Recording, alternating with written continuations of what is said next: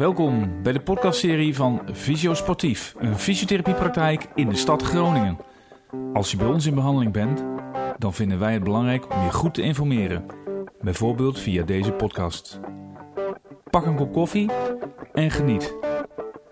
Wil je meer weten over dit soort onderwerpen? Abonneer je dan nu op ons Spotify-kanaal en Instagram-account. Veel plezier!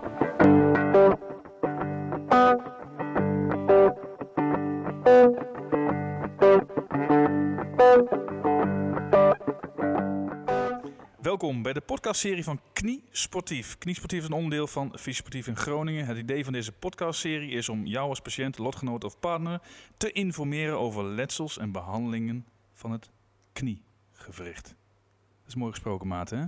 Fantastisch. Fantastisch. Ik zou het zelf niet eh, beter kunnen vertellen, zeg maar, Leon. Top. In deze podcast eh, van Knie Sportief ehm, zitten we op een ja, altijd bijzondere plek. En in dit geval is er volgens mij één grote snoepwinkel. We zijn bij eh, Longhoods in Kolham. Dat verwacht je niet, maar ze hebben hier de mooiste Porsches. Volgens mij zitten er wel, eh, om toch even de naam te noemen... Volgens mij hebben we hier wel Porsches die even oud zijn als Reinhard Brouwer. Ik denk het echt. Tegenover mij zit hij, Maarten Huizinga, orthopedisch chirurg van Martini Ziekenhuis. Maarten, zou jij eens eh, willen voorstellen in deze fantastische ja, snoepwinkel? Heb je het al genoemd, hè? Ja, zeker. Eh, Leon, bedankt voor de uitnodiging in ieder geval. En weer een onwijs mooie locatie. Ja, eh, het woord snoepwinkel is al paar keer langsgekomen. Maar zo voel je hier echt als kleinkind eh rondkijken tussen alle mooie, met name 9-11's. Fantastisch. Ja, ik ben Maarten Huisga dus inderdaad. orthopedisch chirurg in het Martini ziekenhuis. Doe voornamelijk kniepathologie over de volledige breedte. Daarnaast met name traumachirurgie daarnaast. Helemaal goed. Ehm, vandaag gaan we het hebben over eh, ja, een heel klein onderdeeltje van knieletsels. Als ik dat zo mag zeggen. Eh, Jij corrigeert me als het niet zo is. De bekerse kiesten. Maarten. Ja, dat is een klein ding, maar hij komt toch wel redelijk eh, vaak voor. Ik denk niet dat iedereen hem altijd merkt dat hij er is, maar als je puur hebt over het woord bekerse kiesten of kniekelkiesten, hoe die in de volksmond wel genoemd wordt, dan ja, is het een, een onschuldig ding die eigenlijk relatief eh, vaak voorkomt. Toch wel.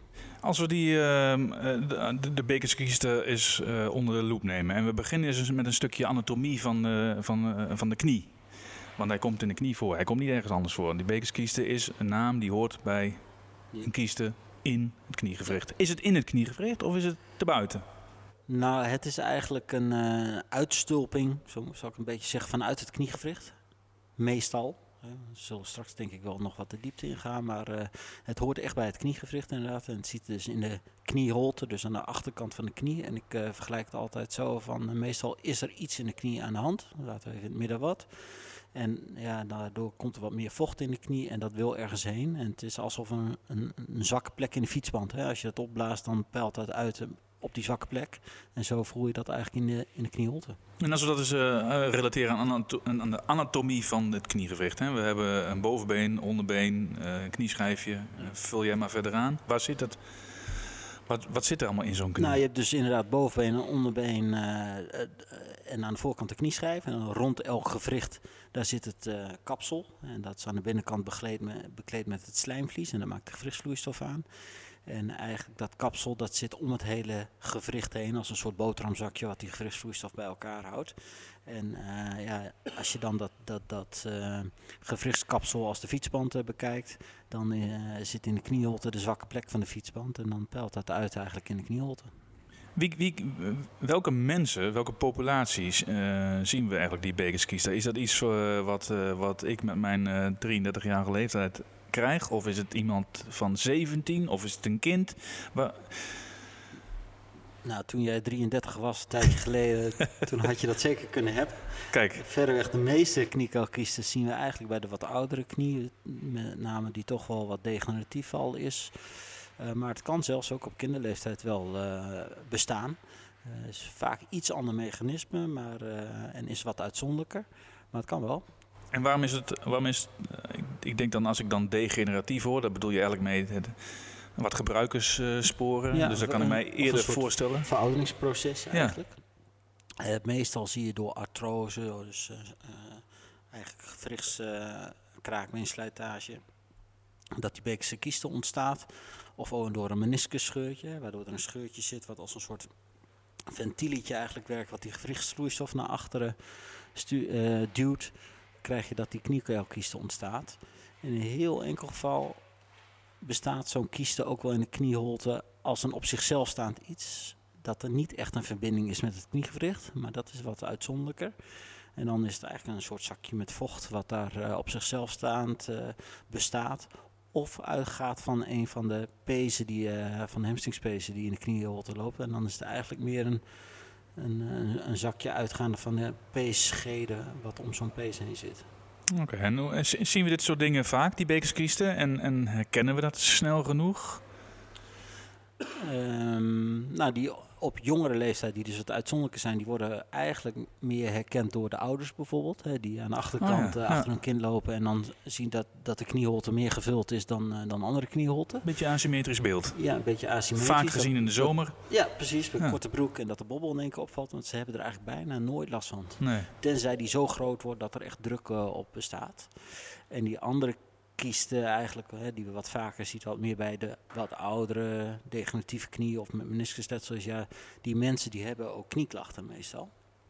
En die voelen dan wel dat ze eigenlijk eh een knieholte hebben of hun been niet helemaal recht kunnen leggen, net als de andere been, zodat er, eh, omdat, omdat hij dan eerder op tafel of de bank of het bed komt. eh, Je, je kan hem zelf als, eh, als patiënt goed voelen. de meeste wel. ja. Ja. Dan, zijn er nog wel eens veel meer aanwezigen die zo klein zijn dat je ze niet voelt, maar die zie je dan meer als toevalsbevinding op een eh, MRI-scan bijvoorbeeld. En, en is er, is er eh, want er wordt vaak gesproken over een bekerskiesten en je hebt ook de meniscuskiesten. Is dat, hebben we het over hetzelfde, Maarten? Of, of zijn dat twee essentieel verschillende dingen?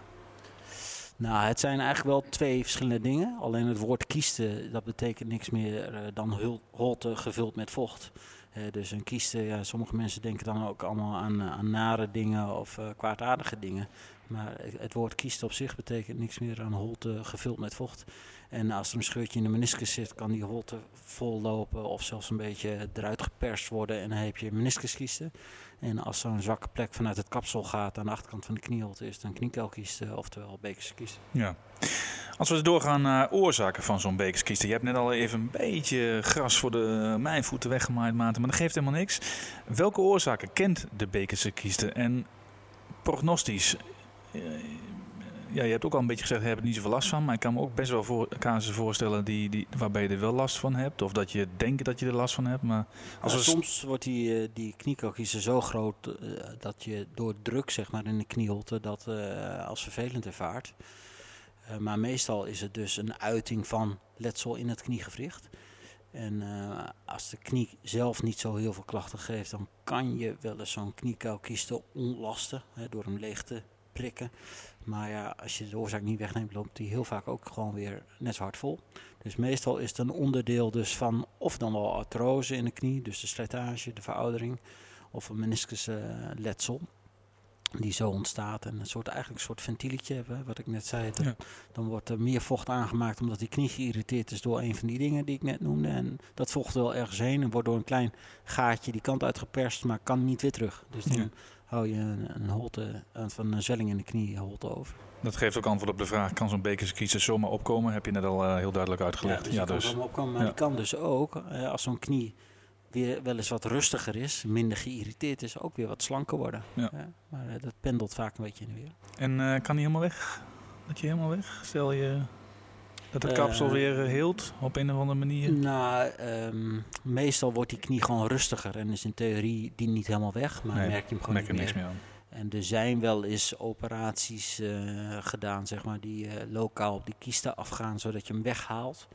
Nou, dat, dat is heel uitzonderlijk dat we dat doen. Want meestal heeft het geen goed effect. Me- Met name omdat ik, eh, wat ik net zei, dat je de oorzaak dan niet weghaalt. Ja, kunnen we straks nog wel even over hebben over eh, nou ja, of je er iets mee moet, ja of nee. Diagnostisch. ehm, ja, als ik dan een rondje knie doe, je moet daar wel op letten, of niet? Ik bedoel, eh, het is niet altijd standaard dat ik met mijn vingers in de knieholte por. Ja, je moet er wel op letten. Je kunt het heel best wel makkelijk zien. Als hij niet te groot is. Als hij niet te, te klein is, moet ik zeggen. Ja, dan kan je hem heel makkelijk zien zelfs. En eh, ja, ik, ik haal zelf bij het onderzoek bijvoorbeeld als de patiënt met gestrekt been op de bank ligt, even mijn hand altijd Ja. in de knieholte. En dan, dan voel, Voel je, eigenlijk wel. bijna altijd wel of die er zit of niet. Zeker als je hand er gewoon onderdoor kan doen, dan, dan eh, zit hij er meestal niet. hè, want dan is die ruimte er. Dat is ook een Eh, soort klinische test eigenlijk. Wat je dan, Ja, wel, wel een beetje. ik vind hem ook mooi als je hem op, in buik ligt. Daar heb ik natuurlijk meer tijd voor als fysio. Maar Dan kan je hem vaak heel mooi zien. Ja, en dan kan je echt. heel mooi eh, links en rechts vergelijken, Vergelijken. en de symmetrie eh, zien. ja. Ja, maar meestal voel je hem gewoon heel goed als hij groot is. Maar eh, dokter, ik, ik heb die Bekerse kiesten en ja, ik wil daar gewoon een MRI van hebben, want ik moet toch zeker weten dat het zo is. Vraag je daar een MRI voor aan? Dat ligt wel een beetje aan de patiënt. En waar ik denk dat die uh, Beekse vandaan komt. Kijk, als het een eh, wat oudere patiënt is die eh, op de gewone röntgenfoto een duidelijke artrose van die knie heeft. Dan, we, nou ja, dan, dan is het 90% zeker of meer dat die daar vandaan komt. En Ja. dan heb je eigenlijk geen MRI nodig om dat aan te tonen. Want je weet wat het onderliggende lijden is. Als het een, eh, een jongere patiënt is met een gave knie op de foto en bijvoorbeeld een sportletsel heeft gehad, dan kijk ik altijd wel van, goh, is er een oorzaak voor die Beekse kiezen en heeft die verbinding met het gewricht? Ja. Ja, want dat is eigenlijk dan hetgene wat ik echt moet behandelen. Maar dan ben je eigenlijk op zoek naar echt de oorzaak en niet zozeer dat je eigenlijk een verklaring probeert te zoeken voor die Bekerse kiesten. Precies. Maar je ziet eigenlijk nooit, nou dat is een, je ziet het nooit, dat is heel groot dan, maar ik verwacht nooit een Bekerse kiezen terwijl in de knie nog niet zoveel aan de hand is, of wel? Nou, meestal niet. Nee. Heel soms staan ze soli- solitair. En als je het echt niet verwacht en er zit een grote zwelling in de knieholte, dan ga ik het even zwelling noemen. Ja, Ja, dan moet je wel soms kijken of er niet iets anders is. Ja, want eh, je hebt bijvoorbeeld nog wel eens een eh, grote vaatkluwe in de knieholte. Een aneurysma heet dat. Wat dan ook voor een zwelling kan zorgen. Dus dan moet je, je moet eigenlijk wel weten of het een kniekookiste is of niet. Nou, daar kan je vaak met je lichamelijk onderzoek heel goed uitkomen. En als je erover twijfelt, ja, dan moet je wel iets met beeldvorming doen. ja. MRI van de knie is dan bij zo'n degeneratieve knie wat veel van te groeien. Maar een echo bijvoorbeeld kan je dan heel makkelijk vaak wel zien eh, wat de inhoud is en waar het vandaan komt. Nou, dan hebben we het ook al even gehad over de soorten Bekerse kiesten. En, en ik heb even opgeschreven op mijn notitieblokje, Maarten. Ik, ik ken altijd de dynamische en de statische. Eh, eh, gebruik jij die woorden ook? Of zeg je van, nou Leon, dat heb je allemaal mooi zelf verzonnen, maar dat is er niet. Het is een prachtig eh, mooi woord. mooie woorden zijn het eigenlijk niet, mooi woord. Ik snap wat je heel goed wat je ermee be- bedoelt. En ik denk dat je daar een beetje dat, wat ik net met dat pendelmechanisme door dat ventiel mee kan, kan beschrijven. ja. Dat zo'n dynamische ja, is heel erg afhankelijk van hoe reactief noemen we dat, hè, geïrriteerd die knie is of niet. En hoe meer geïrriteerd, hoe groter die bekerse kiesten. En je hebt een beetje die op zichzelf staande kiestes, die, die er gewoon zijn. En continu dezelfde grootte. Waar, Ja. Het herstel van zo'n Bekerse kieste, ook al een klein beetje eh, besproken. Herstelt de Bekerse kieste vanuit zichzelf? Al antwoord gegeven eigenlijk van ja, dat ligt er een klein beetje aan wat de oorzaak is eh, waarom die Bekerse kieste er zit. Ja, als de knie rustig is, zal de Bekerse kieste minder worden. Dat heb je net ook gezegd. Operatief gezien, stel dat hij niet weggaat en ik heb er onwijs veel last van. En Nou, als je dus geen verbinding met het gewricht hebt gevonden of een andere oorzaak die dat zou kunnen veroorzaken, dan eh, zijn er wel eens eh, redenen om er operatief op af te gaan. In eerste instantie proberen we dan eigenlijk altijd wel, als het niet een andere oorzaak is, om eerst eens die kiesten eh, leeg te laten zuigen. Met behulp van de echo hè, kan je dan precies een naaldje in de kiesten leggen en leeg te laten zuigen en hopen dat die kiestenholte, dus die holte eigenlijk gewoon samenvalt en, en verlittekent. En voor de, voor de mensen thuis even, want die kijken natuurlijk, maar die luisteren ook. Die onder echo leegpikken doe jij omdat je dan exact de naald op de plek kunt leggen. Precies, kijk, die hele grote bekerse kiesten die zijn niet zo moeilijk te missen. Daar Nee. kan je theoretisch zo een naald indrukken. Maar wat in de knieholte eh, het probleem is, of het gevaar is eigenlijk meer, daar lopen nogal wat belangrijke bloedvaten en zenuwen. Nou ja, die wil je natuurlijk eh, niet raken. Niet te toucheren. Nee, ja. En met de echo kan je ook heel mooi zien of je hem zo leeg mogelijk hebt eh, gehaald. Oh ja, ja. ja. En desnoods eventueel wat we noemen als dat, wat steroïden, wat ontstekingsremmend medicijnen achtergelaten. Zodat die kiestewand eigenlijk wat meer gaat ja, verkleven, zodat hij minder makkelijk terugkomt. Zuigium, vacuüm. En ja, als dat echt niet helpt en hij komt maar weer terug. Ja, er zijn wel eh, operaties eh, dat je echt op die kiesten afgaat. Ehm, dat je hem dan zo ver mogelijk weg probeert te halen tot aan het gewricht of waar hij dan ook maar vandaan komt. De kans dat hij dan alsnog terugkomt is best wel reëel. Is dat omdat je, want ik, ik denk altijd, ik, ik pak dan even die fietsband Ja, en dan, zie, ik- dan pomp ik hem op en dan zie ik dat die bult opkomen. En dan ga jij, dat denk ik dan altijd maar zo, dan pak je zo'n schaatje en dan knip je dat bultje er even af. ja, alleen dat plakketje wat je er normaal op de fietsband overheen doet, ja, die kan je in het menselijk lichaam er meestal toch niet zo mooi overheen plakken dat hij helemaal niet terugkomt. Heg je dan die, die, ehm, die ehm, kapselwandjes naar elkaar toe? Moet ik dat ja, zo zien? je probeert Of- dat eigenlijk te sluiten, dat je dat over elkaar heen Ja. legt en dat dat dan verlittekent en niet weer terugkomt. Maar ja, als die band zeg maar toch een beetje bekleed is met wat slijmvlies of dat er toch nog wat lekkage zit. Mooi in eh, dit is toch mooi, hè? Dan, dan is hij dus eh, redelijk eh, het risico aanwezig dat dat gewoon weer terugkomt. Ja.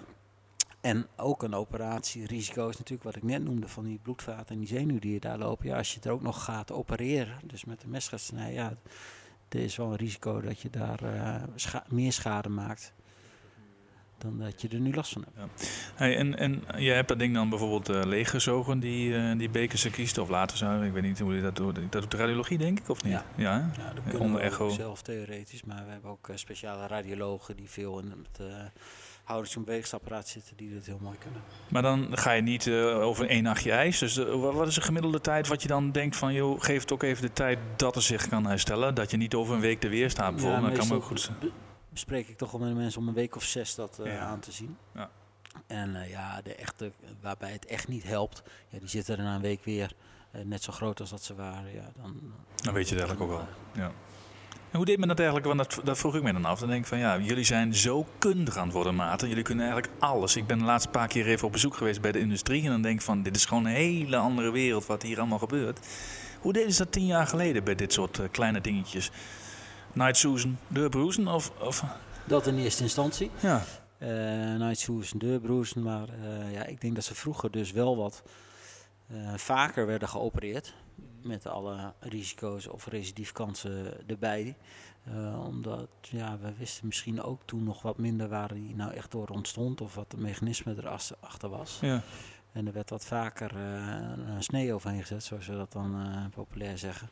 Ja, met niet echt een hele goede uitkomst meestal. Dus ja, we doen graag operaties die, waarvan we weten dat die, dat die met een heel groot percentage ook slagen. ja. En anders En moet je niet 50%. afvragen of ze, precies, Ja. dan, dan moet je afvragen of je het er wel voor over hebt. Ja, en goed uitleggen. Nou, daar is deze podcast ook voor bedoeld natuurlijk, Maarten. Mooi, hè?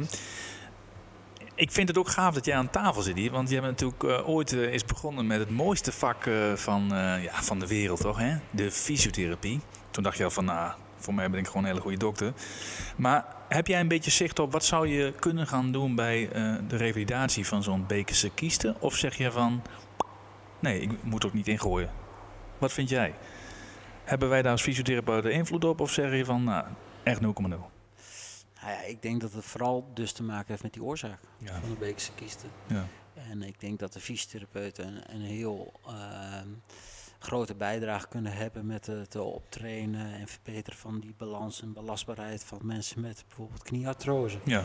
Eh, en ook wel in de revalidatie na een meniscusoperatie. dus ik denk dat je daar heel goed voor bij de fysiotherapeuten terecht kan. En dan is je doel eigenlijk een beetje zorgen dat die knie sterk wordt, stabiel wordt, maar met name ook heel rustig wordt. Want als hij rustig is, hoop je dat Dan wordt vaak De de, ook gewoon rustig Ja. Heel veel mensen vinden dat wel lastig in het begin te begrijpen hoor. Ja. Eh, Ik geef wel eens een prikje aan de voorkant in de knie met van die steroïden ontstekingsrem om die knie rustig te maken. Ja. Om die kniekuilkiesten te laten slinken. Nou dat, dat zien ze dan achteraf pas dat dat werkt inderdaad. En dat werkt ook zo bij de fysiotherapeut. Dus ik denk als jullie belastbaarheid van de knie samen met de patiënt een stuk beter kunnen krijgen en de knie rustiger, ja, dan heb je vaak ook veel minder last van die beekse kiesten. Ja. Nou, dat is een mooi verhaal volgens mij en heel duidelijk over eh, de bekerse kiestenmaten. Zijn we nog dingen vergeten of hebben we voor mij alles wel een beetje gehad? Nou, of zijn misschien er... één ding, zo'n beekse kieste kan daar zitten inderdaad. Ja. En, eh, en als die druk zo groot wordt, kan die ook wel eens knappen. Kijk, En eh, als die knapt, ja, dat, dat is niet er, iets ergs. Maar dat kan wel vervelend zijn voor de patiënt. Want eh, dan zwaartekracht naar beneden, precies dikke enkel. het vocht wat erin zit, dat, dat knapt dan en gaat dus uit, eh, uit zijn zakje. En dat kan dan de kuit inzakken. Ja, En dan krijg je een pijnlijke dikke kuit, wat wel eens verward wordt met een Trom- trombosebeen. ja. Ja, dus, uh, en dat is wel heel aanvullend. uiteindelijk wel weer, uh, weer op. Maar goed, er is dan toch wel wat angst in het begin vaak voor een trombosebeen. Ja. En dat blijkt dan achteraf een uh, onschuldige gescheurde beekse kiste te zijn. Maar het kan wel erg vervelend zijn en best wel een tijdje duren voordat dat weer uh, herstelt. Kunnen wij dat als fysiotherapeuten screenen? Of, uh, nee, hè? Nee. Nee. nee. nee. Schoenmaken. Blijf bij je leest. Maarten, ik vind het een mooie podcast geworden over, de, over een klein uh, stukje knieletsel. Daar mag, zo mag ik het denk ik wel noemen. En ja, super bedankt dat jij hier wilde aansluiten. En volgens mij geeft het veel helderheid richting patiëntengroep. Fijn, bedankt voor de uitnodiging nogmaals. Nou, gaan we even lekker postjes kijken, toch? Niet? Klein rondje. Klein rondje.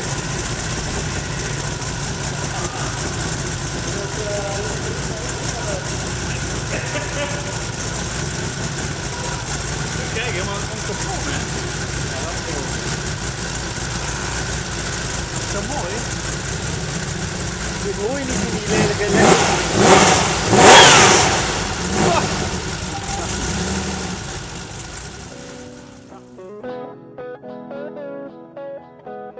Je luisterde naar een mini-podcast van Knie Sportief als onderdeel van Fysiosportief in Groningen. Wil je meer weten over knieklachten? Abonneer je dan nu op ons Spotify-kanaal en mis geen podcast uit deze knieserie. En uh, wist je dat wij ook een Instagram-account hebben? Apenstaatje Knie Sportief. Tot snel.